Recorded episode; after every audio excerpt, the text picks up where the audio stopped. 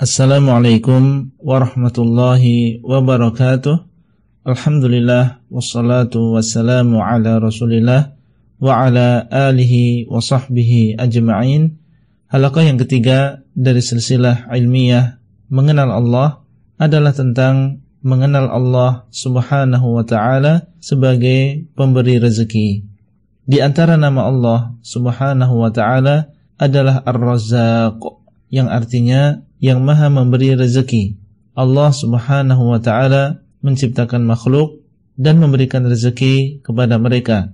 Bahkan Allah subhanahu wa ta'ala telah menulis rezeki makhluknya jauh sebelum Allah menciptakan mereka.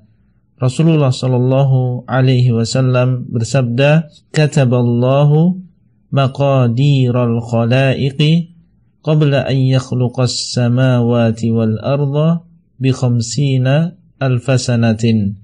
Allah telah menulis takdir bagi makhluk-makhluknya 50 ribu tahun sebelum menciptakan langit dan bumi. Hadis riwayat Muslim dari Abdullah ibnu Amr. Allah Subhanahu wa taala menciptakan rezeki tersebut dan menyampaikannya kepada makhluk sesuai dengan waktu yang sudah Allah Subhanahu wa taala tentukan sebelumnya maka tidak akan meninggal seseorang sampai dia mendapatkan rezeki terakhir yang menjadi jatahnya. Meskipun rezeki tersebut ada di puncak gunung atau bahkan ada di bawah lautan.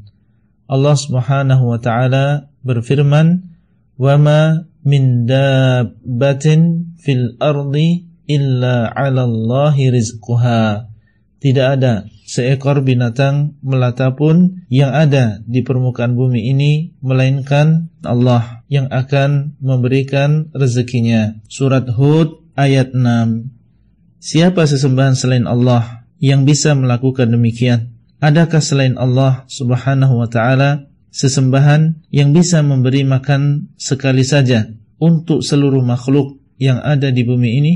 Mulai dari manusia, jin, hewan dan tumbuhan. Allah Subhanahu wa taala berfirman, "Ya ayyuhan nasu dzkuru ni'matallahi 'alaikum hal min khaliqin ghairullahi yarzuqukum minas sama'i wal ard la ilaha illa huwa fa anna tu'fakun." Wahai manusia, hendaklah kalian mengingat nikmat Allah atas kalian Adakah yang mencipta selain Allah yang memberikan rezeki kepada kalian dari langit maupun dari bumi?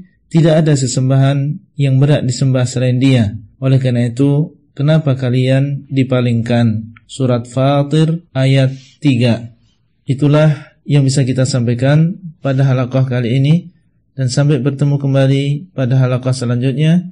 Wassalamualaikum warahmatullahi wabarakatuh. Abdullah Rai di kota Al-Madinah. Materi audio ini disampaikan di dalam grup WA Halakoh Silsilah Ilmiah ASI Abdullah Rai.